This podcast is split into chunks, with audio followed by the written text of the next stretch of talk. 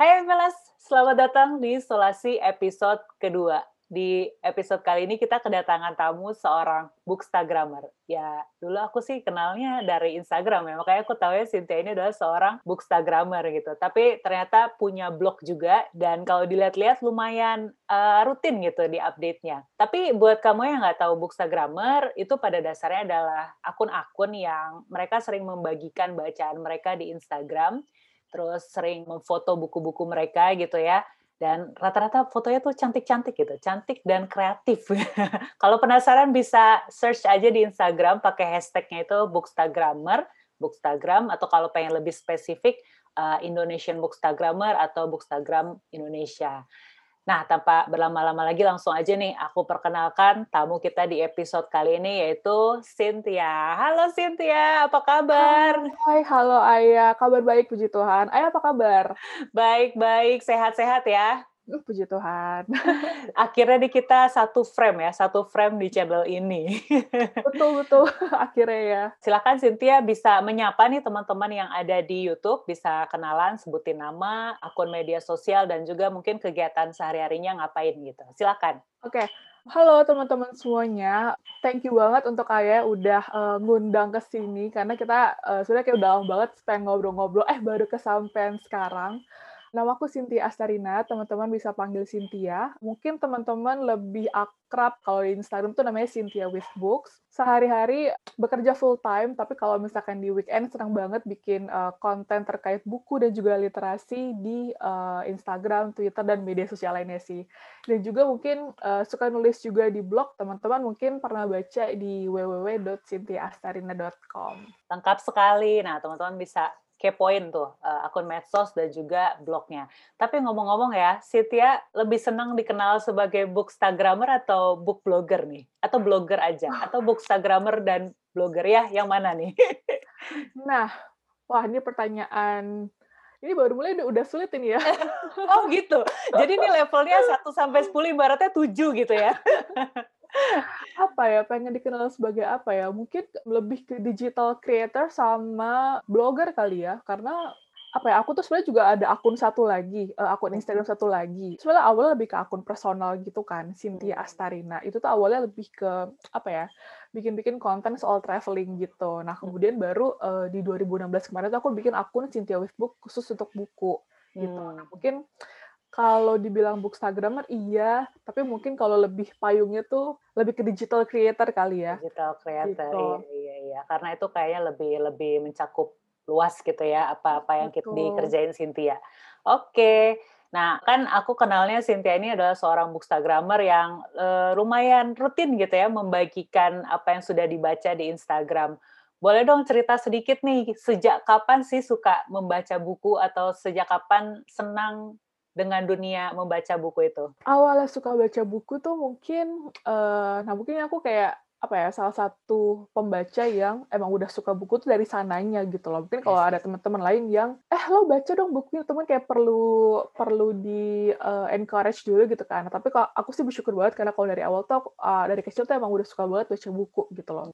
Awalnya suka tuh gak tahu sih kayak emang suka aja gitu kan kayak awalnya tuh kita apa ya baca komik gitu kan kayak komik Doraemon lah serial cantik apa segala macam jadi tuh kalau misalkan jadi tuh kayak gini apa ya kayak dulu tuh sering banget ikut uh, papa mama untuk belanja lah kayak ke uh, convenience store terdekat di rumah gitu kan mereka belanja kebutuhan sehari-hari aku tuh pasti ke bagian yang jual majalah atau kayak komik di dalam uh, toko itu gitu loh jadi kayak aku kayak explore kayak lagi ada majalah apa, lagi ada tabloid apa, lagi ada komik Doraemon, komik Conan apa gitu kan. Jadi mereka tuh belanja kebutuhan sehari-hari. Nah, aku tuh pasti uh, ngejogroknya tuh di stall uh, buku-buku itu gitu loh. Terus udah gitu dulu juga pernah apa ya kayak ini kenangan masa kecil juga sih. Jadi kayak dulu tuh lagi sakit terus udah gitu kayak nggak mau diobatin. Salah satu syarat untuk aku mau diobatin adalah aku harus dibeliin komik gitu loh. Dan eh ternyata beneran dibeliin komik gitu loh. Oh my God. terus kayak ya udah akhirnya ketertarikan itu emang mungkin udah ada sejak dulu. Terus udah gitu kayak uh, makin ke sini makin berkembang bacaannya juga semakin bervariasi. Terus ya udah akhirnya aku ngerasa oh ya ini adalah duniaku ini adalah dunia aku cintai dunia aku senangi. Dan mungkin aku nggak akan lepas lama dari membaca dan buku itu sendiri gitu. Oh, menarik menarik Tapi ada ini nggak sih peran orang tua gitu? Soalnya kalau aku pribadi kayak bukan bukan seneng buku karena seneng gitu ya, tapi orang tua emang udah bawain buku banyak banget, baik itu buku bahasa Inggris, komik, uh, buku-buku buat anak kecil. Nah dari situ kayak terta barulah tertarik melihat wujud fisiknya, barulah tertarik lihat-lihat, lihat-lihat gambarnya, baru setelah itu mulai dibaca gitu satu persatu dan dari situ akhirnya tumbuhlah kecintaan sama membaca. Jadi aku pikir peran orang tuaku tuh memang besar gitu dalam hmm. mengenalkan ke, uh, mengenalkan dunia buku dan dunia membaca. Kalau Cynthia gimana? Kalau aku sebenarnya nggak terlalu yang gimana-gimana ya. Kalau misalkan um, apa peran orang tua itu sendiri. Makanya tadi aku bilang kayaknya aku cinta membaca tuh udah muncul dari sana sendiri gitu loh. Nah cuman kemarin tuh kayak sempet denger-dengar cerita, ternyata kakek aku tuh punya uh, kayak satu lemari gede itu tuh benernya kayak isinya tuh buku-buku semua gitu loh. Hmm. Jadi mungkin nurunnya kali ya, nurun kayak uh, suka baca itu dari situ gitu. Cuman kalau dulu sih orang tua mungkin lebih ke baca koran kali ya. Terus hmm. udah gitu mungkin aku juga tertarik dengan kegiatan membacanya, tapi kayak uh, mungkin tapi apa yang dibaca itu mungkin beda gitu loh. Kalau mereka mungkin bacanya koran, aku lebih ke baca komik, baca majalah, baca tablet dulu. Seperti itu sih mungkin. Tapi ini apa Cynthia melihat gitu lemari bukunya punya kakek yang banyak buku-bukunya itu. Nah, jujur Ingat enggak, karena itu baru ceritain oh, uh, baru semalam banget. Kayak makanya aku penasaran, wah jangan-jangan apa ya kayak kesenanganku membaca nih uh, nurun dari kakek ini jangan-jangan. Iya, iya, iya, iya. Nah, pasti dari keluarga seenggaknya ada lah ya yang senang sama buku terus akhirnya nurun ke kita-kita nih generasi Betul. sekarang. Oke oke menarik. Nah uh, tadi kayak Cynthia sempat singgung sedikit sih, tapi boleh di sharing lagi nggak ya uh, dan lebih lengkap gitu mengenai evolusi jenis bacaannya Cynthia mulai dari yang dulu banget sampai sekarang kira-kira jenis bacaan apa yang paling sering dibaca ya untuk saat ini gitu. Silakan. Oke, kalau misalkan kita ngomongin evolusi bacaan, mungkin hmm. Ayah juga um, ada perbedaan nih. Mungkin kayak zaman dulu tuh suka bacanya apa, tapi kalau uh, zaman sekarang bacanya beda lagi nih gitu kan. Dan aku pun juga mengalami hal itu gitu loh. Kayak misalkan dulu tuh waktu masih kecil suka banget nih baca komik ya kayak komik Conan, Doraemon segala macam gitu kan. Terus udah gitu uh, makin ke sini mulai explore majalah remaja, sering banget beli tabloid gaul segala macam gitu kan Terus udah gitu um, di SMP kali ya, jadi kayak suka baca novel teen lit lah segala macam kayak Dialova gitu kan kayak wow itu rame banget kan di zaman itu. Habis itu mulai-mulai ke sini mulai explore um, buku-buku soal uh, apa ya kumpulan cerpen iya, terus udah gitu buku-buku puisi, terus udah gitu kayak sempat baca-baca buku sastra tapi kayak mungkin um, belum nyampe nih otaknya gitu kan. Terus udah, udah gitu akhirnya makin ke sini yang aku tahu adalah comfort zone aku buku puisi ternyata gitu. Ternyata kayak aku menemukan banyak hal di buku puisi, terus udah gitu, dan challenging juga kali ya, karena kalau buku puisi kan nggak semua buku puisi tuh mudah dimengerti, mudah dicerna gitu kan. Hmm. Kemudian akhirnya ya udah mulai explore genre bacaan yang lainnya kayak misalkan sekarang sih lagi pengen menantang diri untuk baca buku-buku non fiksi sih gitu. Oke oke menarik menarik. Aku juga gitu sih ya. Kita kayaknya rata-rata sama ya anak generasi 90-an gitu. Nyebutin angka lahir nih. kayak dulu aku juga pertama kali itu tadi yang aku share hmm, ibuku tuh bawa buku-buku ini tau gak sih komik-komik Alkitab dulu tuh ada kayak komik-komik cerita Alkitab yang tipis-tipis. Nah, aku bacain itu. Terus kayak bahasa Inggris yang berbahasa Inggris tuh kayak Jan eh, eh Run Jane Run. Itu kayak plesetan dari cerita apa gitu. Aku kayak pernah denger yang kayak gitu juga. Terus udah gitu masuk ke komik. Komik itu juga bacanya curi-curi ke tempat rental komik, tau gak sih? Ah, oke. Okay. Okay, Cynthia okay. sempat ngerasain eh, pergi ke rental komik gak sih? Pernah banget. Jadi tuh ini ada cerita lucu juga sih. Jadi kayak itu SMP apa SMA ya? Pokoknya pas zaman masih duduk di bangku sekolah gitu deh. Di depan uh, sekolahku tuh ada tempat rental komik gitu loh.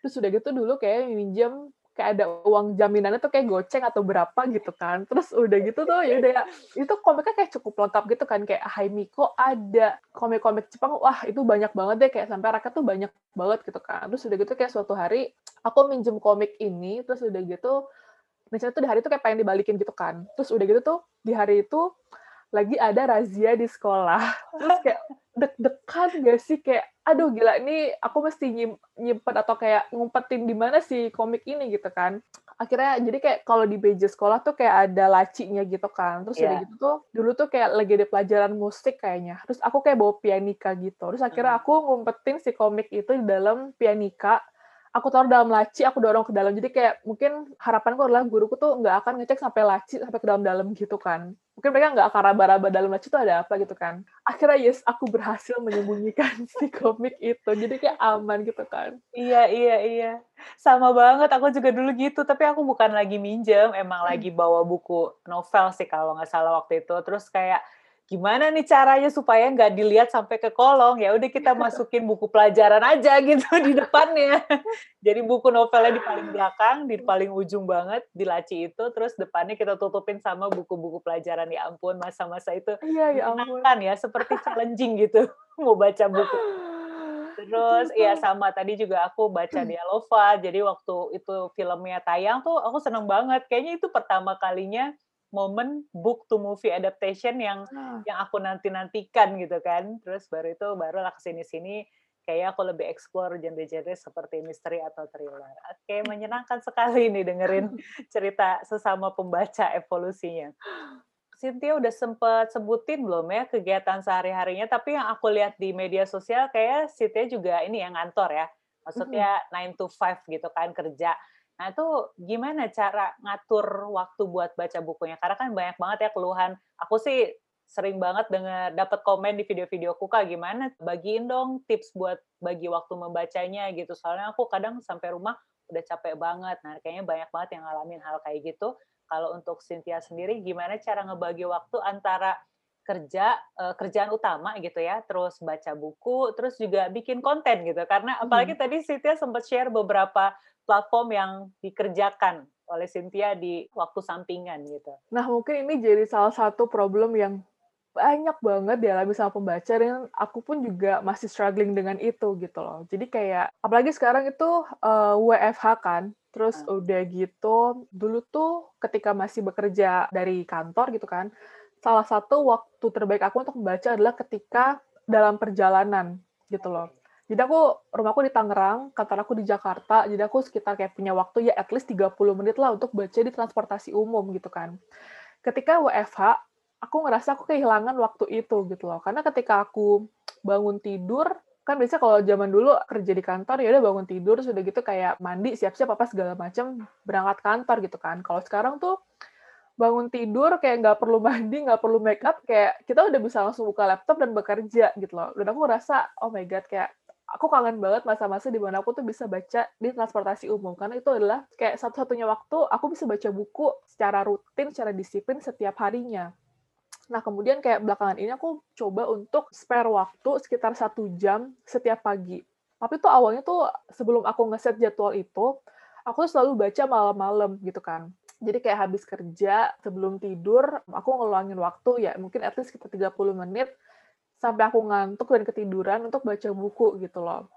Terus udah gitu setelah aku evaluasi, oh kayaknya aku nggak cocok ya karena malam-malam tuh udah masuk ke jam jam begonya gue gitu. Jadi kayak mungkin kayak banyak yang ngerasain, oh kayaknya gara-gara emang udah capek, terus udah gitu nggak konsen bacanya, terus udah gitu mungkin ngantuk juga, energinya tuh kayak udah terkuras habis gitu kan. Terus kayak makanya kayak oh kayaknya boleh nih kita coba untuk pindahin jam baca ini ke pagi-pagi gitu loh. Terus akhirnya udah aku coba untuk uh, set jadwal setiap hari itu mungkin kayak sekitar jam 8 sampai jam 9 pagi untuk uh, membaca buku. Jadi aku beneran kayak set jadwal gitu loh di uh, kalender gitu kan. Kayak sebagai pengingat aja sih, oh ya jam 8 udah harus bangun pagi, terus udah gitu udah harus baca buku gitu loh. Awal-awal tuh mungkin kayak uh, masih agak kesulitan kali ya untuk ngatur waktunya, apalagi kayak untuk mendisiplinkan dirinya itu gitu loh kayak untuk maintain itu mungkin agak susah juga gitu. Tapi kayak lama-kelamaan dicoba uh, terus jalan, tapi kayak kadang kendor juga. Habis itu jalan lagi, tapi kayak mungkin kadang kendor juga gitu loh. Dan sekarang jujur kayak aku lagi di fase yang uh, kendor gitu loh. Kayak apa ya, kayak mungkin jam tidur lagi berantakan, terus udah gitu bangun siang, eh nggak nggak sempat untuk baca buku pagi-pagi gitu kan. Nah, kalau dari aku sih, mungkin sekarang ini metode yang aku pakai adalah selama aku punya waktu luang, aku isi untuk baca buku itu gitu loh. Kayak kemarin random banget sih, jadi kayak, aduh bingung deh, bingung kayak lagi pengen ngapain deh gitu kan. Eh, oh eh, banyak banget nih buku yang belum dibaca gitu kan. Jadi kira kayak aku ambil satu buku yang emang udah aku baca sebelumnya, tapi mungkin kayak belum kelar. Terus udah gitu kayak ya udah aku set waktu itu untuk baca buku jauh-jauh dari HP, pokoknya menghindarkan segala distraksi. Eh kelar gitu loh satu buku itu gitu loh. Jadi mungkin kalau saat ini sih metode aku adalah uh, baca buku kapan pun bisa ada waktu luang gitu loh. Tapi mungkin ada teman-teman lain yang mungkin lebih works kalau oh yaudah deh kita set schedule atau set jadwal setiap harinya kayak gitu sih. Hmm, ya, kalau aku sih pribadi lebih kayak set schedule. Jadi hmm. dulu pernah cobain pagi, tapi menurut aku kayak pagi itu energiku lagi tinggi-tingginya, jadi mendingan dialokasiin ke kerjaan gitu kan. Okay. Jadi dari pagi sampai sore lah sore terus aku kayak udah wind down baru di malam harinya ketika udah selesai semuanya memfokuskan pikiran ke bacaan jadi sebenarnya tiap orang beda-beda sih ya hmm. tergantung jam jam apa tuh jam bego sama jam jam pinter ya gitu loh pinternya ya itu uh, ada dibahas di bukunya Alexandro Ruby yang You Do You, you itu betul oke jadi sekarang uh, Cynthia bacanya kalau lagi ada waktu luang aja ya. Hmm, terus betul. kalau bikin konten gimana nih? Apakah punya jadwal khusus juga atau sama? Kayak baca kalau ada waktu luang aja? bikin konten tuh karena bukan pekerjaan utama sebenarnya tapi ya kadang nyari waktu luangnya itu. Terus udah gitu mungkin uh, lebih fokus pas di weekend kali ya tapi mungkin pas di weekdays kita kayak kadang curi-curi waktu juga gitu loh. Tapi jangan bilang-bilang kantorku ini ya. Jadi uh, enggak sih. Jadi kayak uh, mungkin emang lebih nyari ke waktu waktu-waktu kosong gitu kan. Tapi mostly mungkin bikin konten itu di weekend kali ya, atau mungkin kalau di weekdays pun lebih ke setelah jam kerja berakhir gitu sih. Jadi mungkin kayak lebih pintar-pintar untuk cari waktunya aja sih gitu. Jadi ya karena bukan pekerjaan utama juga ya kapan ada waktunya aja ya. Nah itu menarik nih, menarik karena masuk ke pembahasan atau ke pertanyaan aku selanjutnya adalah bisa ceritain nggak sih awal mulanya Cynthia bikin konten? Tadi kan sebenarnya sudah disinggung sedikit ya. Jadi ada akun pribadi sendiri dulu tadinya baru masuk ke bikin akun yang khusus tentang buku. Nah boleh dong diceritain pertama kali bikinnya apa? Apakah dulu sempat nyobain apa tuh MySpace atau mhm. WordPress atau apa gitu terus akhirnya beralih ke Instagram karena sekarang lebih mudah diakses atau seperti apa? Jadi tuh mungkin kalau tulisan di blog menurut aku tuh bisa kita kategorikan sebagai konten juga kali ya konten dalam bentuk tulisan gitu jadi mungkin awalnya tuh aku lebih condong ke bikin blog dulu kali ya. Aku nggak terlalu ingat itu kapan, tapi yang aku ingat adalah kayak zaman dulu tuh sering banget ke warnet. Kayak dulu kan bayarnya per jam 3000 ribu gitu kan. Kayak itu aku tuh ngeblog rutin setiap minggu gitu loh. Tapi kayak zaman dulu tuh ngeblognya tuh lebih ke blog yang kayak curhat-curhatan. Kayak oke okay, hari ini, tuh? wah tahun berapa tuh ya? Pokoknya kayak zaman zaman masih SMP SMA gitu deh kayaknya. Terus udah gitu ya udah kayak blog-blog curhatan terus udah gitu lebih kayak nge-recap kayak misalkan apa aja sih yang sudah terjadi dalam hidup ya kayak gitu gitulah gitu okay, kan. okay terus udah gitu kayak mulai beberapa tahun belakangan ini apa ya memfokuskan diri untuk yaudah deh kita bikin blog yang berkaitan dengan traveling dan juga uh, buku gitu loh. Maka hadirlah si cynthiaastrina.com ini gitu kan. Kalau zaman dulu kan mungkin kayak masih aduh apa ya zaman dulu tuh nama nama blognya ya? Mungkin kayak pokoknya dulu tuh mungkin kayak masih pakai .blogspot.com .wordpress.com terus udah gitu kayak akhirnya memutuskan untuk eh udah deh kita beli domain aja lah sendiri gitu kan. Pernah uh, ini gak sih nyobain apa? Tumblr. Oh iya, aku juga oh punya my God, itu. Tumblr. oh, tapi kalau dulu tuh Tumblr lebih ke oh kalau itu lebih galau sih Ayah. Jadi foto-foto gitu nggak sih iya, kayak Iya bener. Kayak repost-repost quotes mm-hmm. lucu, quotes yeah. yang relate apalagi kayak jam dulu kan kayak cinta monyet apa segala macem yeah. kan. Jadi kayak kalau ada yang ngerasa relate gitu terus kayak kita repost atau kita like itu wah memorable banget sih. Bener bener bener. Tapi Tumblr okay. sudah tidak ada. Apa kabar ya itu ya? Masih sih kayaknya. Tapi kayak kurang populer, tidak sepopuler media sosial yang lain gitu. Iya sih betul. Lalu lalu lanjut.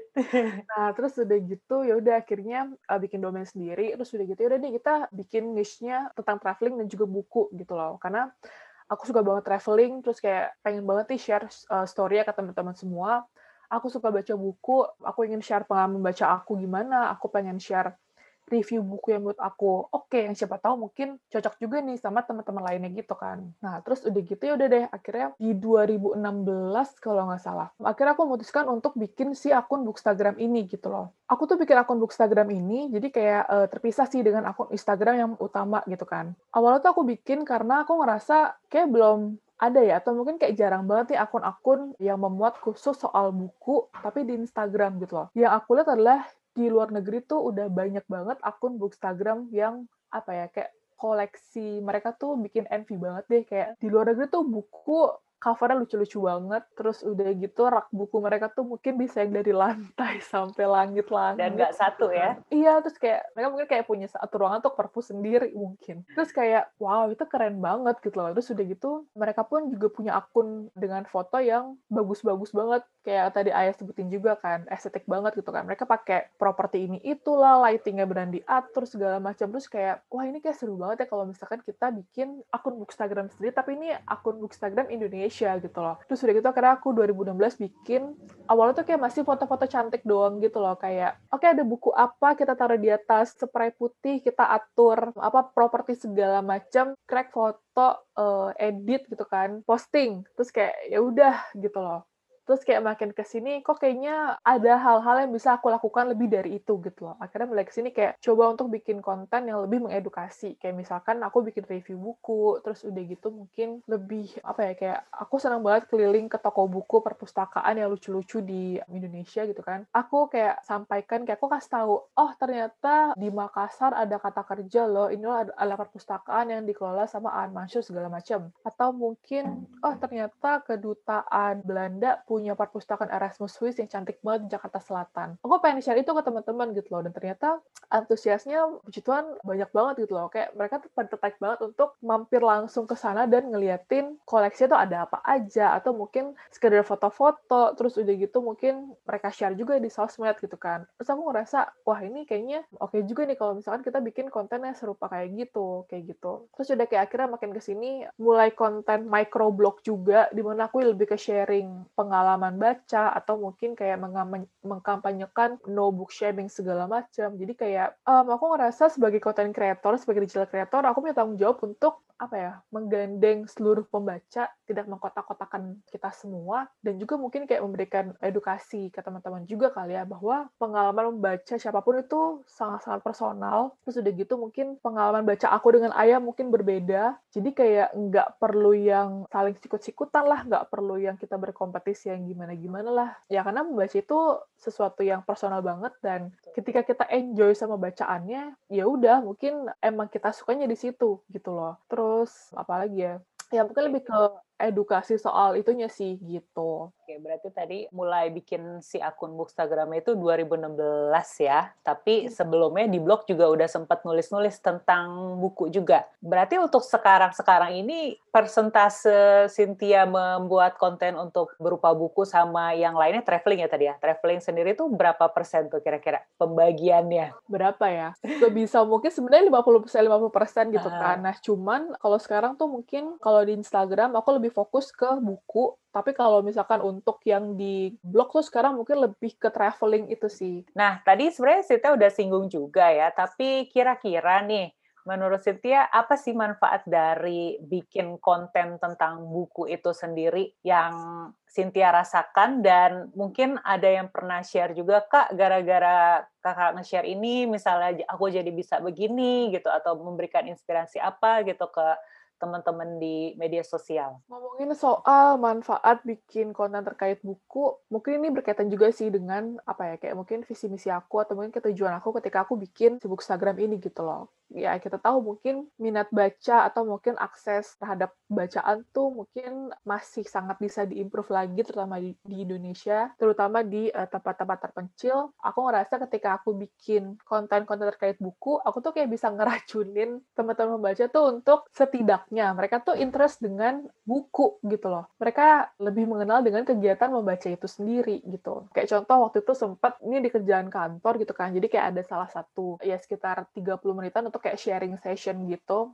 Aku tuh kayak sengaja sharing-sharing soal buku gitu loh. Terus aku mengetahui bahwa oh ternyata teman-teman setim aku tuh banyak juga yang nggak suka sama baca buku gitu loh. Terus udah gitu ketika aku racunin, jadi kayak kayak kasih rekomendasi buku yang mungkin akan mereka suka, mereka tuh catat gitu loh. Terus kayak mereka tuh beneran yang kayak berinteraksi dan mereka tuh kayak berani kayak nanya gitu loh. Kayak misalkan buku apa sih yang mungkin paling life changing gitu kan dengan harapan ya siapa tahu mereka juga tertarik untuk pengen baca gitu loh. Terus mereka juga kayak tanya gimana sih cara aku kayak ngatur waktu? Seperti tadi udah ayah tanyain juga kan kayak ngatur waktu untuk baca buku tuh kayak gimana gitu loh. Nah harapannya sih adalah aku tuh bisa ngeracunin teman-teman terdekatku at least kayak di circle terdekatku tuh supaya mereka tuh bisa lebih familiar dengan dengan buku dengan dengan membaca ataupun nggak mesti buku deh. Baca brosur boleh baca majalah boleh gitu kan. Baca cuitan di Twitter boleh banget gitu loh. At least kita kayak memfamiliarkan diri dengan kegiatan membaca itu sendiri gitu loh karena aku kayak udah ngerasain manfaat dari membaca buku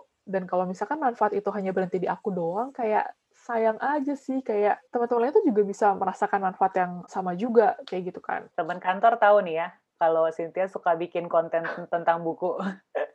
tahu, tahu, oh, tahu. Oke, okay, iya. okay, iya. Terus, Dan aku kan dengan senang hati hmm. meracuni mereka. Oke, okay, oke, okay, oke. Okay. Nah, terus udah gitu mungkin manfaat lainnya adalah buku tuh kalau misalkan mungkin kita tahu kayak oke okay, buku adalah jendela dunia. That's very true gitu loh kayak aku tuh jadi kayak bisa bertemu dengan teman-teman pembaca lain yang mungkin punya minat yang sama gitu loh. Mungkin kalau aku nggak bikin akun Bookstagram, aku nggak akan ada di sini. Aku nggak akan ketemu sama Ayah juga. Mungkin sih nggak ada gitu loh. ya kan? Terus udah gitu mungkin baca bareng Tangerang nggak ada. Mungkin apa ya kayak dulu juga sempat bikin yang indie bookshop tour mungkin itu juga nggak akan ada gitu loh. Kayak bayangin aja kayak dari satu buku aja dari satu kegiatan membaca kita tuh kayak bisa dipertemukan dengan orang-orang dari berbagai macam apa ya background dari berbagai macam latar gitu kan. Kita bisa kenalan sama sesama teman pembaca bisa kenalan sama penulisnya juga sama penerbit, editor segala macam. Terus kayak wah ini tuh suatu ekosistem yang oke okay banget nih kalau misalkan kita maintain dengan sepenuh hati gitu. Ya, hopefully sih kayak dengan apa yang aku share di media sosial atau mungkin apa pun yang ayah share juga yang berkaitan dengan buku literasi, itu tuh beneran kayak bisa apa ya mendekatkan siapa pun dengan kegiatan membaca, dengan uh, buku itu sendiri dan hopefully upaya-upaya kita ini tuh nggak sia-sia sih. Semoga uh, Indonesia pun juga masyarakatnya lebih senang baca, terus udah gitu mungkin kayak akses terhadap bacanya juga jadi lebih dekat kayak gitu sih. Kalau melihat ke aku pribadi gitu ya, aku tuh kenapa membagikan konten tentang buku karena berbeda dengan Cynthia yang ketika sharing tentang buku di kantornya ternyata banyak yang nggak baca buku. Nah kalau aku waktu itu justru aku inget banget entah kenapa terjadi sebuah percakapan antara aku sama teman kantorku terus dia nanya emang suka baca buku apa? Terus aku bilang aku senang baca bukunya Kak Ika dan ternyata dia suka juga dan dan dari situ tuh aku pengen mikir oh ternyata orang lain tuh sebenarnya suka baca tapi baca itu bukan sesuatu yang jadi gaya hidup yang pantas untuk dikasih lihat ke orang-orang gitu dulu ya ini kita kita bicaranya dulu gitu. Jadi menurut aku kayak, iya aku pengen banget bikin baca itu sesuatu yang keren gitu supaya semua orang nunjukin kalau mereka tuh suka baca ya nggak apa-apa sih kalau memang awalnya cuma buat apa mejeng doang gitu ya buat pamer tapi harapannya ke depannya akan tumbuh benih-benih cinta gitu terhadap buku dan mereka tergelitik gitu untuk membaca. Terus kalau aku pribadi juga pengen pengen memberikan rekomendasi bacaan-bacaan yang bagus, at least bagusnya menurut aku gitu supaya bisa ketemu sama pembaca lainnya, buku tersebut bisa ketemu sama pembaca lainnya, disukai sama pembaca lainnya. Jadi itu sih kalau dari aku manfaat membuat konten buku itu sendiri. Oke, okay, menarik menarik nih. Seru, seru, nih kalau ngobrol sama ke sesama kreator. Nah, sekarang kita lanjut ke pertanyaan selanjutnya nih, bahas tentang ini ya, lebih spesifik ke kreasi di bidang di bidang buku ini sendiri. Nah, kalau menurut aku pribadi, kreator konten di dunia buku ini tuh kayak bisa disamain gitu loh sama kreator di bidang-bidang lainnya, baik itu travel, fashion, beauty, terus apalagi sih ya banyak lah ya. Dan menurutku dengan konten yang mereka bikin, yang kita bikin ini, serta value yang kita kasih ke audiens, menurut aku itu bisa jadi semacam apa ya, punya eh, value sendiri, yang mana value itu bisa kita apa ya, kita tawarkan ke brand, baik itu brand yang bergerak di bidang literasi ataupun bukan, dan untuk ditukar dengan value lain yang bersifat ekonomi gitu ya, ya dalam hal ini cuan lah ya Nah, kalau menurut Cynthia sendiri memandang hal itu seperti apa? Aku sudah bahas ini dibahas. Jadi kayak mungkin aku nggak tahu sih kayak mungkin kalau misalnya kita mundur sedikit ketika aku di 2016, mungkin tuh kayak bookstagrammer Indonesia tuh masih jarang banget gitu loh. Mm -hmm kayak ya bisa mungkin dihitung jari gitu. Iya, Terus kayak makin ke sini tuh makin banyak banget komunitasnya semakin berkembang, inisiatif dari teman-teman tuh juga semakin banyak gitu loh. Dan yang aku rasakan adalah perbandingan dari zaman sekarang dibandingkan dengan zaman dulu adalah udah banyak banget sih orang-orang yang kayak mulai ngajakin kayak kerja sama segala macam gitu kan. Nah, cuman somehow kita-kita ini yang mungkin kayak sering banget nih nge-review buku apa segala macam itu tuh kayak masih dipandang eh, masih dipandang sebagai kayak mungkin kayak sebagai etalase doang kali ya. ya. Mungkin lebih kayak oke, okay, nih aku kasih buku gratis ya, nanti kamu posting ya dengan SOW yang banyak banget kayak misalkan oke okay, aku mau tiga tiga di feed sepuluh di story itu harus pro apa segala macam. Sih kayak aku nggak tahu sih kayak zaman dulu tuh mungkin kayak buku tuh mungkin dipandang sebagai sesuatu yang mungkin awalnya bisa dikasih gratis ke kreator nanti kreator yang bikin apa segala macam gitu deh. Padahal kalau aku rasakan adalah sebenarnya ngomongin kerja sama kayak gini tuh nggak jauh beda sih dengan review-review di bidang lainnya yang tadi ayah bilang juga gitu kan. Kayak ada makanan Maka, iya, ya, aku lupa nyebutin makanan tadi. Makanan juga. Oke, okay, let's say aku dikasih makanan nasi goreng gitu kan. Yeah. Menurut aku nasi gorengnya enak, tapi menurut ayah kurang nih gitu kan. Sama halnya ketika aku dikasih buku, oh ini ternyata bagus ya, eh tapi menurut Ayah tuh kurang bagus. Maksudnya kayak setiap orang tuh punya pengalaman personalnya masing-masing ketika mereka tuh berinteraksi langsung atau mungkin kayak ketika mereka tuh apa ya kayak entah makan makanan itu atau mungkin kayak baca baca, uh, baca buku itu gitu kan. Tapi kayak entah kenapa buku tuh kayak dipandang sebagai benda yang beda banget. Aku juga nggak tahu kenapa sih ya gitu kan. Jadi kayak aku ngerasa kalau zaman dulu tuh mungkin tawaran kerjasama tuh kayak mungkin kayak mulai banyak masuk, terus udah gitu uh, bingung sih gimana ngomong ya. Iya, ya, karena ini kan sesuatu yang baru ya. Jadi kita hmm. juga masih mencari-cari formulanya yang pas tuh seperti apa gitu kan. Nah, tapi opini aku sih seperti itu karena kita sebagai kreator kita kan memberikan value ya ke audiens ya Terus hmm. dengan seiringnya kita bisa apa ya? Kita bisa menukarkan value tersebut ke brand yang sedang bekerja sama. Tapi yang terjadi sekarang kayak seperti yang Cynthia bilang, kayak buku itu cuma dikasih aja dengan segala macam persyaratan-persyaratannya yang yang diharapkan dikerjakan oleh si kreator tanpa ada timbal balik uh, itu tadi ekonomi yang aku bilang mm-hmm. balik berupa cuan gitu. Mm-hmm, betul. Nah, pengalaman Cynthia sendiri gimana terhadap kerjasama dengan penerbit? Penerbit ya, soalnya ini kita ngomongnya buku mm. dulu. Tapi kan sebenarnya ada brand-brand lain selain penerbit di di ekosistem literasi ini gitu. Nah kalau mungkin ini follow up yang tadi juga kali ya. Mungkin kalau zaman dulu tuh masih banyak yang oke okay, ini kita kasih buku gratis tapi nanti kerjain ini itulah persyaratannya banyak banget gitu kan. Tapi kalau misalnya aku ngeliatin zaman sekarang penerbit atau mungkin kadang ada penulis juga yang nawarin langsung mereka tuh udah udah sangat aware dan sangat-sangat menghargai kreator itu sih kayak gitu. Karena aku ngerasa kayak apa ya, mereka tuh juga mikirin bahwa oke, okay, digital creator ini sangat-sangat bisa membantu untuk promosi buku atau mungkin kayak meningkatkan awareness soal si buku tersebut gitu kan. Tapi mereka tuh kayak juga mikirin kita sebagai digital creator itu sendiri gitu loh. Jadi kayak awalnya mereka kayak menanyakan apakah kita terbuka untuk kerja sama review ini itu gitu kan. Terus udah gitu kalau misalkan kita terbuka akan kerjasama itu, mereka menanyakan sih kira-kira prosedurnya seperti apa gitu loh. Nah, masing-masing orang kan prosedurnya beda nih. Mungkin ada yang mereka nggak apa-apa dikasih buku gratis, ya nggak apa-apa juga gitu loh. Atau mungkin ada yang mereka ngasih red card, terus udah gitu pengen timbal baliknya atau kontraprestasinya itu berupa materi atau uang, ya nggak apa-apa gitu loh tapi mungkin ada juga ini siapa yang aku tekankan juga ketika kita kerja sama kita barter value tuh juga boleh banget gitu loh. Barter value tuh apa sih? Mungkin lebih contohnya kita tukar exposure misalkan atau mungkin tukar free products worth of sekian ratus ribu say kayak gitu kan. Tapi yang aku rasakan adalah zaman sekarang para penerbit atau mungkin kayak klien-klien ini tuh mereka sudah lebih aware sih. Kalau misalkan digital creator tuh bukan cuma sekedar etalase yang bisa disuruh-suruh doang yang dimintain tolong doang gitu loh. Karena itu dia kita sebagai digital creator tuh pun kita punya tanggung jawab sih untuk membuat sesuatu yang mungkin itu dia tadi kita tuh bisa ngasih value ke orang-orang lain gitu loh. Maksudnya kayak bukan sekedar yang cuma sekedar melakukan apa yang diminta aja gitu loh. Tapi kayak ada hal yang lebih dari itu karena apalagi kayak aku ngerasa tanggung jawab di dunia literasi ini gede banget sih dan harus saling suportif sih menurut aku kayak bukan yang memandang sebelah mata juga terkait si profesi digital creator ini gitu sih. Iya, iya, iya. Dan benar setuju juga yang Sitiya bilang bahwa sekarang-sekarang ini sekarang lebih banyak pihak-pihak yang ketika mengajak digital creator, terutama di dunia buku ya, mereka lebih menawarkan atau lebih apa ya lebih peduli lah istilahnya lebih peduli sama si kreator. Mereka akan menanyakan mau nggak kerjasama untuk me melakukan campaign ini? Gitu misalnya. Terus kalau iya bagaimana terms and condition dari kamu sebagai pihak kreator? Kalau kayak gitu kan jadi lebih enak ya. Betul. ngobrol ke depannya tuh jadi lebih enak.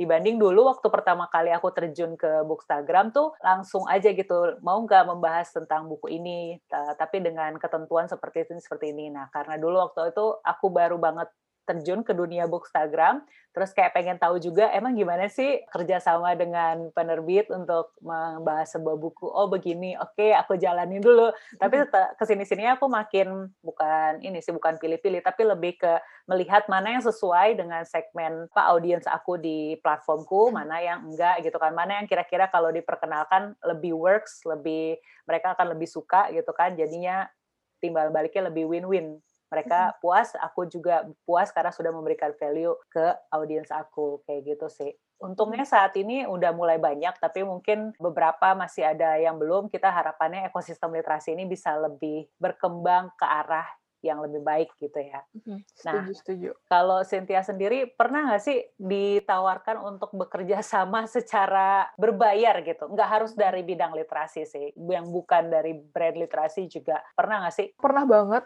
Jadi mungkin aku sedikit cerita. Tadi mungkin ayah cerita pas pertama kali terjun ke dunia Bookstagram gitu, mungkin ada yang nawarin, tapi mungkin kayak benefit buat kita adalah lebih ke si bukunya itu gitu kan. Jadi kayak yaudah kita terima-terima dulu aja gitu kan. Nah aku tuh juga mengalami fase itu gitu loh, ketika pas pertama kali apa ya kayak dapat tawaran gitu loh. Aku terima karena itu dia tadi pengen tahu dulu sebenarnya ketika mereview buku atau mungkin ketika kita bekerja sama dengan pihak lain tuh seperti apa sih gitu kan. Terus udah gitu aku ngerasa kayak nggak ada ruginya juga karena oke okay, kita jadi bisa baca buku secara gratis terus udah gitu kita juga bisa membuka networking atau mungkin ya siapa tahu ke depannya nih pihak tersebut bakal ng ngajak kerjasama lagi kayak gitu kan. Terus kayak mungkin kalau kayak zaman sekarang ini karena sekarang ini sama juga kayak lebih pilih-pilih juga gitu kan. Kayak nggak semua tawaran diterima selain karena waktu dan tenaganya terbatas, itu dia tadi kayak pasti ketika ditawarin aku kayak nanya dulu sih kayak ini bukunya tentang apa, terus udah gitu dan aku kayak ngasih pengertian juga sih. Aku bilang sih kayak I just wanna make sure that uh, ini bukunya tuh cocok sama teman-teman followers gitu kan. Karena kalau misalnya nggak cocok,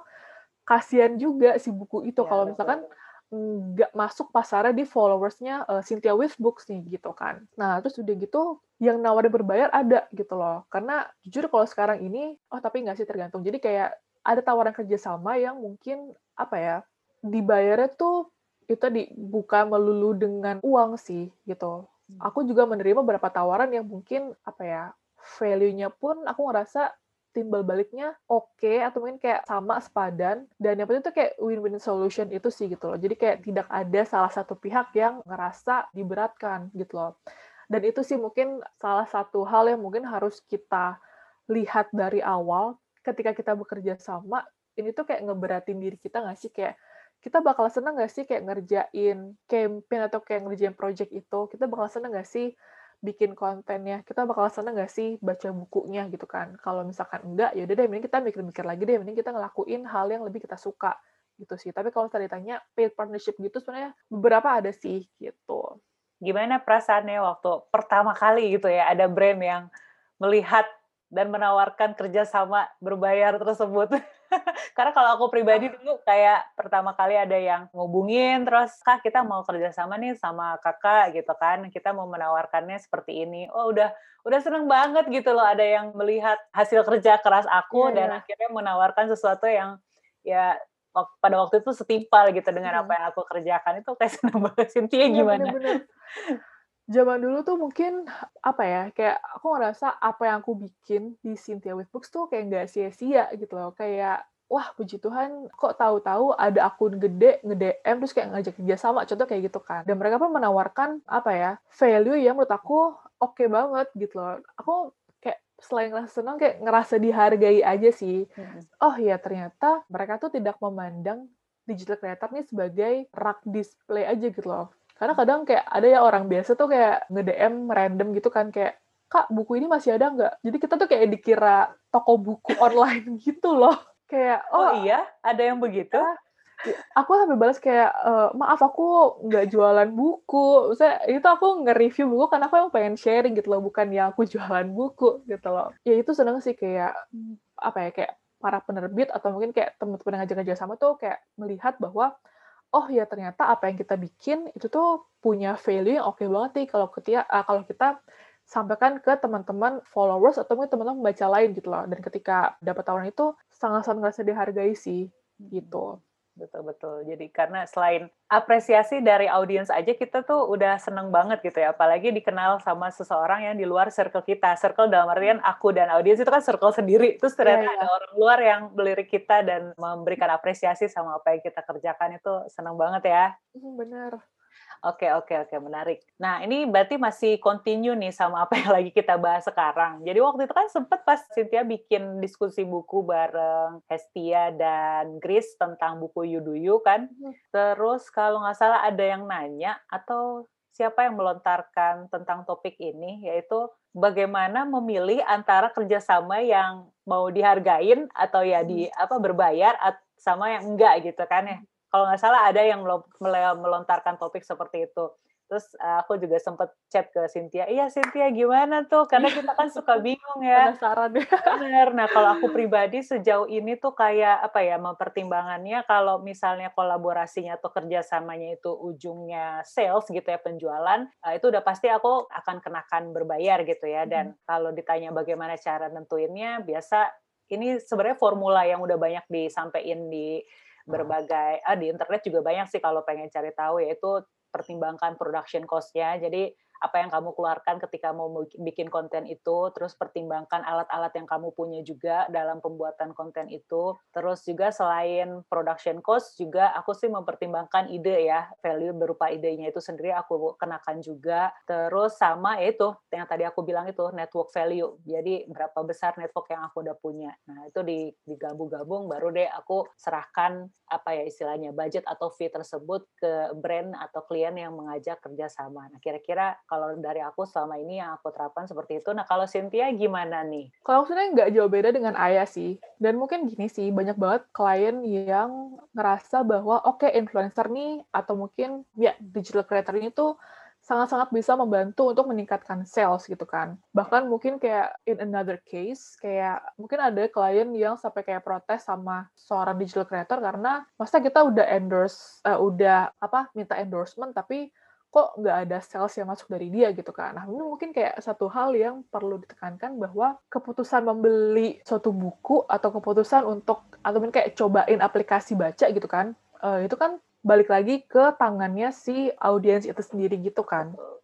Nah, makanya kalau aku sih kadang-kadang ada beberapa tawaran yang mungkin lebih kayak apa ya, kayak afiliasi eh gimana. Jadi kayak misalkan kita kayak dikasih kode apa jadi nanti kan kayak sistem bagi hasil kayak misalkan oke okay, 10% nanti akan masuk ke kantongnya digital creator misalkan kayak gitu kan. Nah, cuman ya kadang nggak semuanya works juga gitu loh. Dan kalau misalkan kita pengen apa ya kayak nentuin kira-kira mana nih yang berbayar atau mungkin enggak.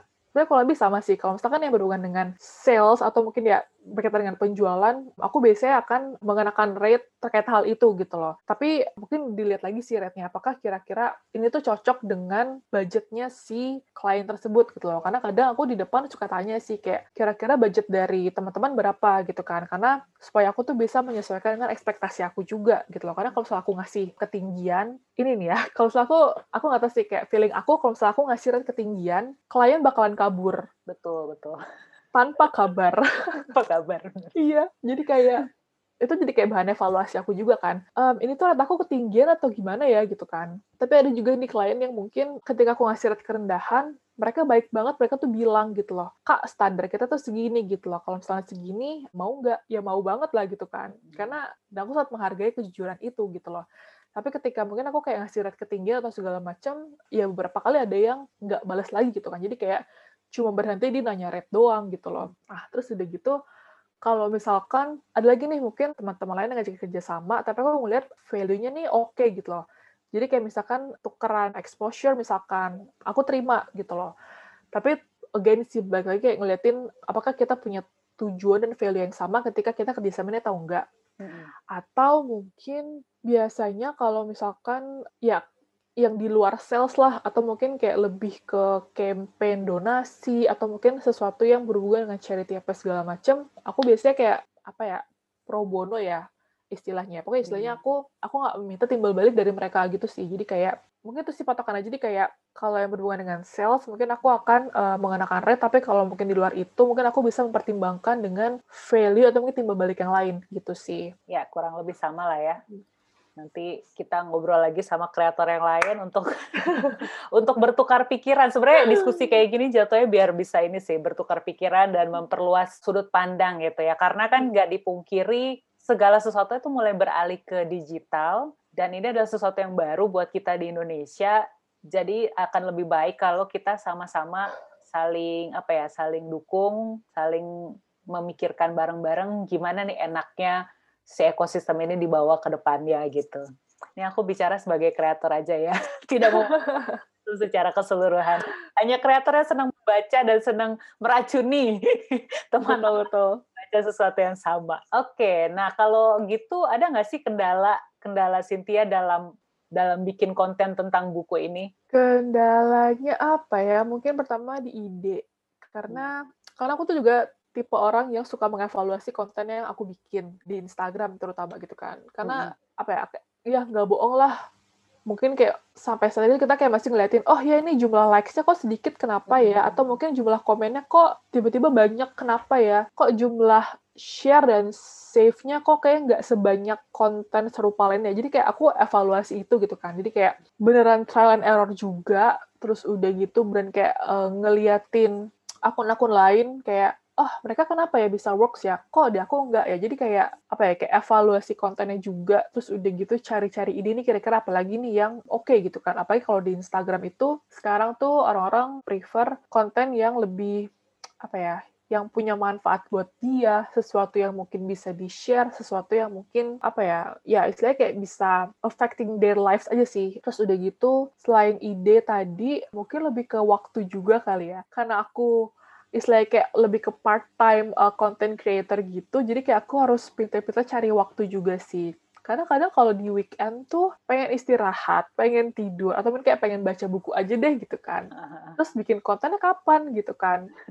Kalau itu mungkin lebih kebalik lagi sih ke ke visi misi atau ke tujuan aku di awal. Kenapa sih aku bikin si akun Instagram ini gitu kan kalau misalkan aku nggak rutin, aku nggak disiplin, aku nggak lanjutin, ya kenapa dibuat juga gitu loh. Ya tapi kadang kita kayak nggak bisa maksain juga sih gitu loh. Jadi kayak kadang ada beberapa hari, oh ya ini nggak ada postingan sama sekali, jadi kayak missing in action aja gitu, kayak ya nggak apa-apa manusiawi juga gitu loh. Karena hidup kita apalagi aku part time juga lah istilahnya nggak sepenuhnya tuh handle satu akun itu doang gitu loh.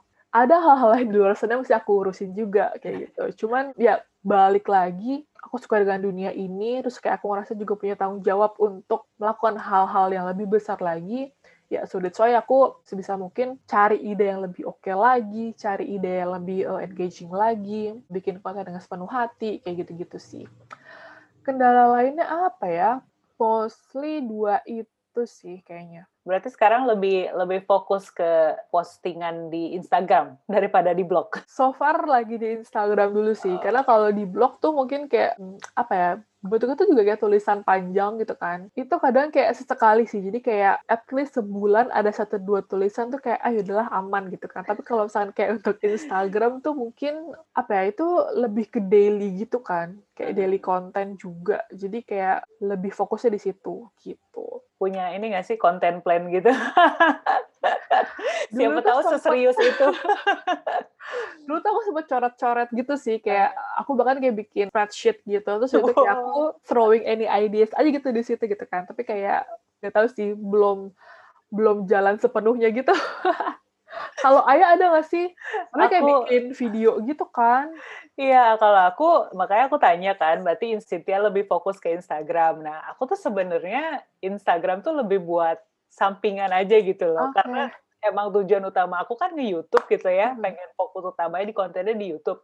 Tapi nggak dipungkiri ke depannya banyak yang ngajakin kerja sama pengennya di Instagram juga. Terus aku jadi mikir kayak, oh kayaknya harus mulai fokus ke Instagram juga nih gitu kan. Nah, nah kalau ditanya punya konten plan, tentu saja punya, terutama untuk yang di YouTube. Itu aku pasti jadwalin banget karena hmm. itu buat motivasi aku gitu loh. Jadi pertama buat pengingat oh ya minggu ini aku harus upload video uh, satu minimal gitu. Sama yang kedua buat itu buat motivasi wah gue harus banget nih bikin video buat Iya, video iya. ini gitu. Nggak boleh enggak gitu kan. Itu pasti ada. Tapi kalau Instagram masih ini sih apa ya timbul tenggelam. Iya iya. nggak yang konsisten banget diadain gitu kan terus dia sampai disusun seminggu harus berapa kali enggak juga sih. Nah, terus makanya aku tanya tentang blog nih aku kan suka bacain blognya Cynthia dan aku suka banget gitu sama tulisan-tulisannya di sana. Itu kayak kayak bercerita gitu terus kayak ngalir gitu loh. Belum lagi pemilihan judulnya tuh clickable. Clickable tuh apa ya? bikin penasaran lah istilahnya gitu. Soalnya aku kan pengen juga nih lagi pengen ngembangin ke blog juga jadi biasa insecure dari tadinya insecure Instagram gak update terus sekarang insecure Belum. sama aku sendiri kayak pengen ah pengen nulis juga boleh dong di share tips-tips menulisnya gitu atau ada nggak sih eh, bisa kasih bocoran trik atau metodenya Cynthia dalam menulis artikel di blog Mhm. tuh seperti apa gitu? Mmm, apa ya, jadi tuh aku emang awalnya emang udah suka banget nulis gitu kan. Nah, sejujurnya kalau tadi kayak aku cerita juga, jadi niche blog aku itu adalah lebih ke traveling sama buku. Traveling itu tuh aku eee, aku breakdown lagi jadi ada soal review hotel, terus udah gitu atau mungkin kayak perjalanan-perjalanan dalam dan luar negeri, ada kulinernya juga gitu loh. Sementara kalau untuk buku, itu aku breakdown jadi libraries, eee, kalau nggak salah, apa udah apa udah lupa. Toko buku. Libraries heeh, terus udah gitu ada toko buku juga, ada review sama ada bookstagram. Jadi kayak lebih biar lebih fokus aja sebenarnya itu topik-topik itu gitu. Nah, terus udah gitu sebenarnya making content plan tuh works banget sih supaya kita bisa lebih disiplin kayak tadi Ayah bilang kan. Karena eee, ya itu kalau misalnya kita kayak nggak ada content plan juga, ya bakal sesuai mood aja gitu nulisnya ya kan. Kayak, oh oh ya kayak kepikiran untuk nulis apa nih, terus udah gitu, ya udah kita tulis deh. Tapi kalau misalnya kayak lagi nggak mood, kayak lagi nggak kepikiran ide apa, ya itu kayak bakal ditinggalin aja tuh blognya kayak gitu. Nah, terus udah gitu, eee, aku berusaha untuk menulis yang sepersonal mungkin sih. But again, nggak cuma membaca doang yang berkaitan dengan pengalaman personal, menulis pun juga. Karena mungkin ketika aku nulis, pengalaman aku dengan orang lain tuh mungkin berbeda gitu loh, dan apa ya, kayak sisi personal itu sih yang mungkin bakal dicari sama orang-orang gitu loh. Dan itu juga mengingatkan aku pada series judulnya The Bold Type. Nonton nggak? Di Netflix? Di Netflix. Belum nonton. Jadi pokoknya itu tuh pokoknya berkaitan dengan tulis-menulis gitu deh. Terus kayak aku tuh belajar bahwa menulis sesuatu yang personal tuh adalah sesuatu yang mungkin bakal lebih dicari sama uh, pembaca kita kayak gitu. Makanya aku ngerasa makanya ketika aku aku suka banget main ke blognya Grace, main ke blognya Hestia, ke blognya Raffi juga. Aku kayak baca-baca gitu kan kayak wow mereka nih kayak nulisnya ngalir banget terus kayak personal banget dan aku ngerasa kayak wah ini tulisannya bagus gitu loh. Dan itulah juga yang pengen aku terapin di blog aku gitu loh kayak tapi ketika aku menulis sesuatu yang personal aku tetap nggak melupakan teknis kayak SEO segala macam gitu sih. Mungkin kalau di YouTube gitu ya juga nggak sih kayak uh, soal SEO gitu kan kayak misalnya di judulnya atau mungkin di deskripsinya ya mungkin Ayah lebih tahu lah soal itu gitu. Di blog tuh juga kayak gitu jadi kayak SEO is a very technical thing tapi itu sangat bisa dipelajari karena tujuan aku menulis adalah apa ya selain aku pengen sharing juga cerita-cerita personal blog ini juga bisa jadi salah satu sumber pemasukan lain gitu loh. Selain si Instagram itu gitu loh. Makanya SEO-nya aku bagusin karena ketika orang-orang search di Google atau mungkin kayak mesin mencari lainnya konten kita tulisan kita video kita tuh sangat-sangat berpotensi untuk muncul di page pertama gitu kayak contoh ketika aku nulis ketika aku nulis soal book depository Ayah juga pernah bikin video soal itu gitu kan. Aku googling, terus udah gitu, aku bisa ngeliat, oh ya ternyata video Ayah tuh di page pertama gitu loh. Terus udah gitu aku melihat, oh ya ternyata tulisanku di page uh, sekian gitu loh. Itu selain dari cerita kita, SEO tuh juga sangat berperan penting sih untuk itu kayak gitu. Karena itu udah tadi kayak semakin bagus konten kita semakin bagus blog kita klien-klien itu juga bisa berdatangan dari situ gitu sih. Dan ya siapa tahu itu juga bisa jadi sumber masukan lain selain dari Instagram itu gitu. Oke oke dicatat nih ya tipsnya ya buat aku terapkan di personal blogku. Soalnya aku juga baca blognya Grace juga itu bagus. Dan Grace tuh suka kasih highlight-highlight dari tiap buku yang dia baca dan itu juga jadi menginspirasi aku untuk masukin highlight itu dari buku yang aku baca. Ya buat teman-teman juga yang mungkin terinspirasi pengen menulis bisa amati, tiru dan modifikasi mm-hmm. apa yang kita itu betul banget sih pada siang hari ini. Oke, sekarang aku mau masuk ke question box yang masuk di Instagramnya Sofa Literasi ya. kemarin tuh aku meminta teman-teman untuk menitipkan pertanyaan buat Cynthia gitu. Ada dari akun fitzl.ki, Kiki nih. Menurut Kak Cynthia lebih enak nge-review di blog hmm. atau di IG? Hmm. Hai Kiki. Hai Kiki. Um, lebih enak mana ya? Karena sebenarnya kayak agak agak beda sih. Karena kalau yang di Instagram itu kan lebih yang to the point, apalagi kalimat eh apalagi jumlah karakter di caption sangat-sangat terbatas kan. Tadi tanya lebih enak mana ya? Lebih enak iya lebih enak di Instagram sih jujur ya. Karena lebih pendek, terus udah gitu, but it's quite challenging sih. Karena kalau misalnya aku nulis blog tuh aku bisa nulis berapapun kata yang aku mau gitu kan. Karena tidak terbatas, dan aku juga bisa menulis review yang lebih deep yang lebih dalam lah analisisnya gitu kan karena aku bisa menganalisis tuh dari berbagai aspek tapi kalau misalkan oh dan kalau di blog pun aku bisa masukkan lebih banyak foto juga gitu loh karena kalau di Instagram kan ya paling kan cuma 10 foto kan paling banyak. Tapi kalau misalnya ditanya lebih enak mana, mungkin lebih enak Instagram kali ya. Karena lebih lebih to the point, terus udah gitu biar lebih, biar orang tuh lebih gampang nangkepnya aja sih. Apa sih yang pengen aku sampaikan gitu loh. Cuman kayak kadang beberapa kali aku menulis di dua platform ini untuk contoh review buku yang sama gitu. Jadi kayak contoh buku Nawila atau ya buku Yuduyu lah. Aku tuh nulis versi panjangnya di blog, tapi aku nulis versi pendeknya juga di Instagram.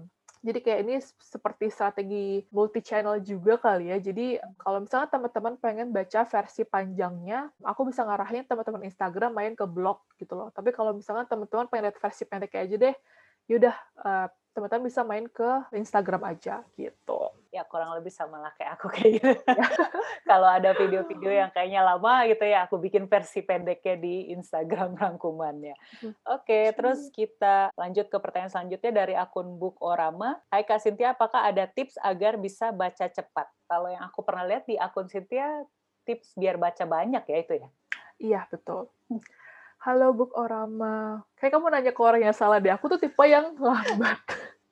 Sama dong kita. Aku tipe pembaca yang lambat sejujurnya. Jadi kayak um, dan aku tipe yang uh, baca buku baca beberapa buku di satu waktu gitu loh. Kalau misalnya tanyain cara baca cepat adalah um, ini tips dari orang lain kali ya dan aku mencoba untuk menerapkan itu gitu loh. Jadi um, ada buku nggak ya contoh? Sebentar aku cari buku dulu. Sedang tidak ada buku di dekatnya. ada. Oh, buku ada, apa pun ada. yang ada di dekatku. Jadi tuh aku dulu aku kayak lagi random banget nonton video apa video apa gitu kan terus gitu kayak ada iklan soal si Jim Quick ini. Jadi uh. tahu nggak sih Jim Quick? Iya suka lihat di YouTube. Iya. ya aku kayak kemakan sama iklannya gitu ya. Terus gitu kayak semacam dia tuh kayak bikin course gitu cara baca cepat. Aku tertarik dong gitu kan. Terus udah gitu kayak di iklan itu dia kayak ngasih tahu tips gimana sih cara dia tuh uh, membaca cepat gitu loh. Jadi contoh, saya di buku gitu kan, terus itu kayak posisi kita tuh kayak tegap gitu. Oke. Okay. Jangan jangan kayak bongkok gitu loh. Karena kalau bongkok tuh kayak diafragma itu kenapa gitu? Mungkin aliran udara itu aliran oksigennya enggak enggak lancar mungkin kali ya. Maaf ya ini kalau soto ya, nanti boleh cari. Aku sambil praktekin. Iya. terus terus. Nanti boleh cari gym quick itu. Jadi kayak uh, tegap gitu. Jadi uh, biar oksigennya tuh apa ya lebih lancar lah gitu loh. Terus udah gitu untuk bukunya tuh jangan sampai yang ke bawah banget gitu loh. Karena kalau ke bawah banget kan kita kayak kepala jadi kayak nunduk banget kan. Dan kayak aliran udara tuh jadi kayak ya kurang lancar juga gitu loh. Kalau bisa tuh kayak berani kayak di depan kita gitu loh bukunya. Jadi kayak jangan terlalu nunduk banget gitu deh. Terus udah gitu, dia tuh menyarankan untuk mulai baca buku tuh jari telunjuk kita, eh mata kita tuh ngikutin jari telunjuk kita. Jadi kayak benar kayak dibaca. Oh, ditunjuk gitu. Iya, kayak iya, gitu. Iya, iya.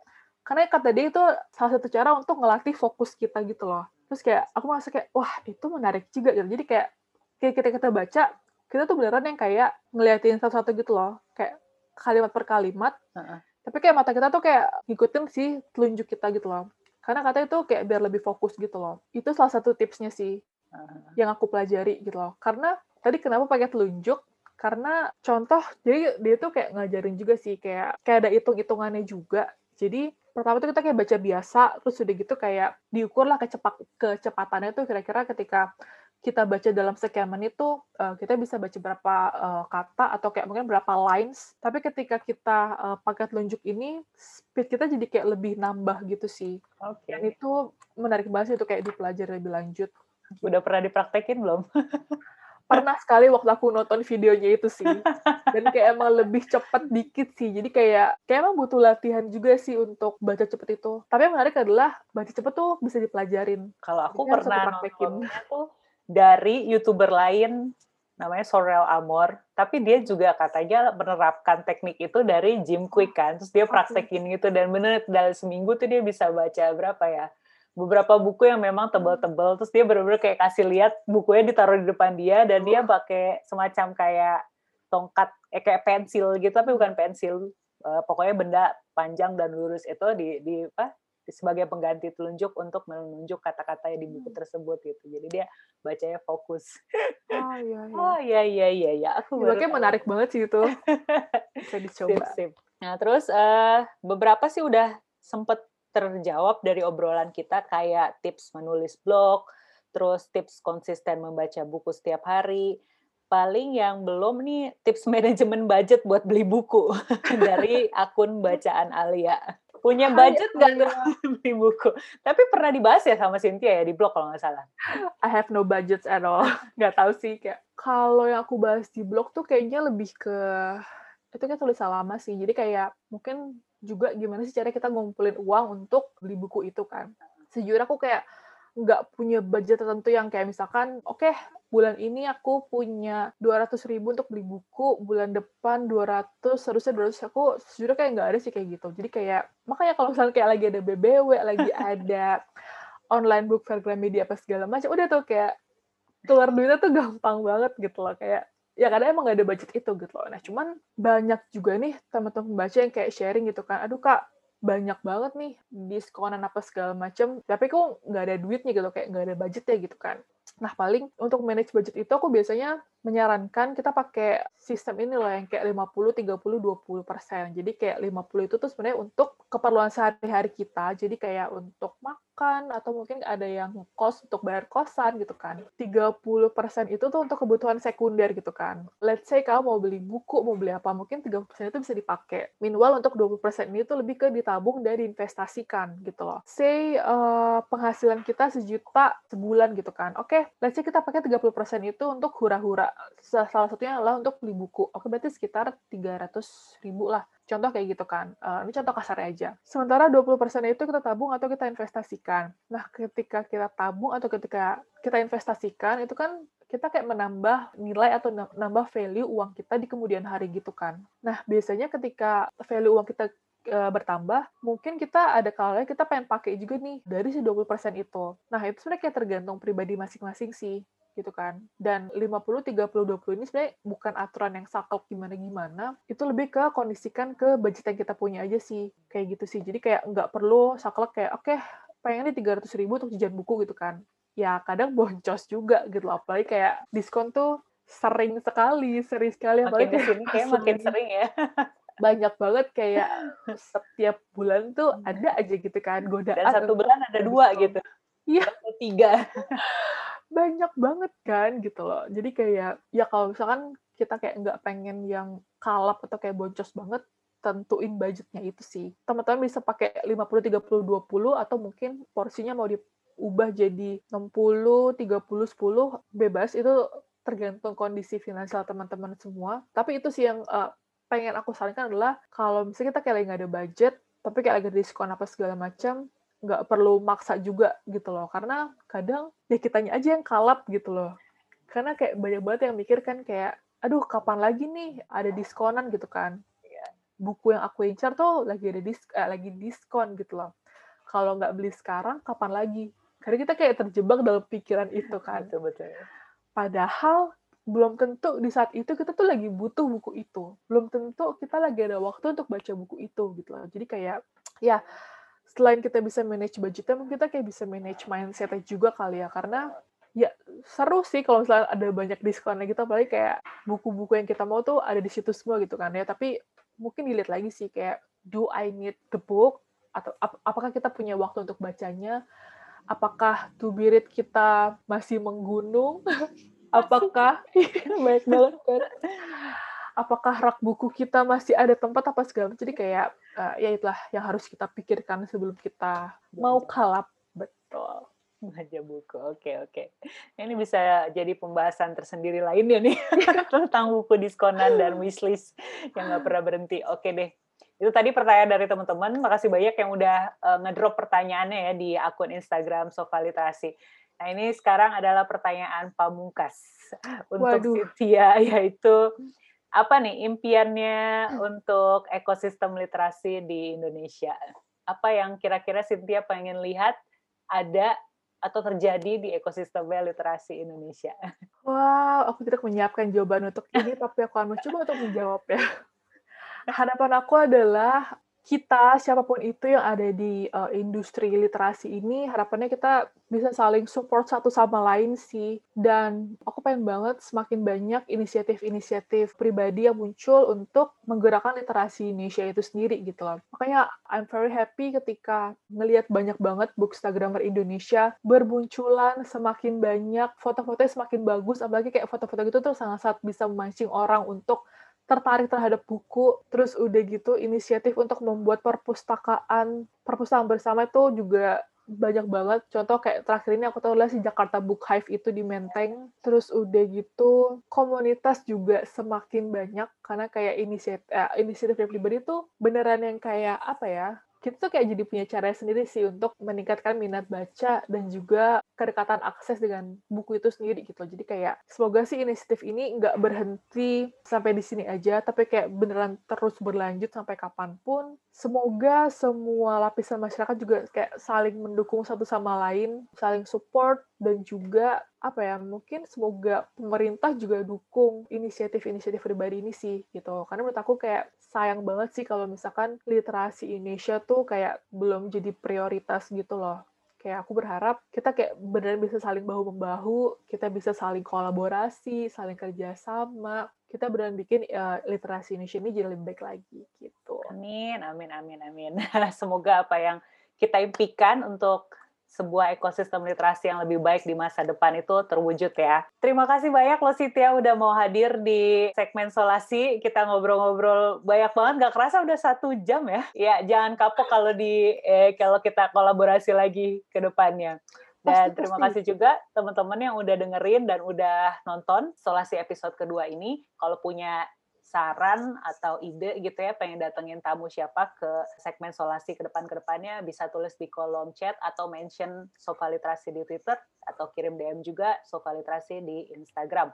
Terus jangan lupa cek follow juga media sosialnya Cynthia di @cynthia_with_books dan aku sama Cynthia pamit dari episode ini. Sampai ketemu lagi. Dadah. Bye bye.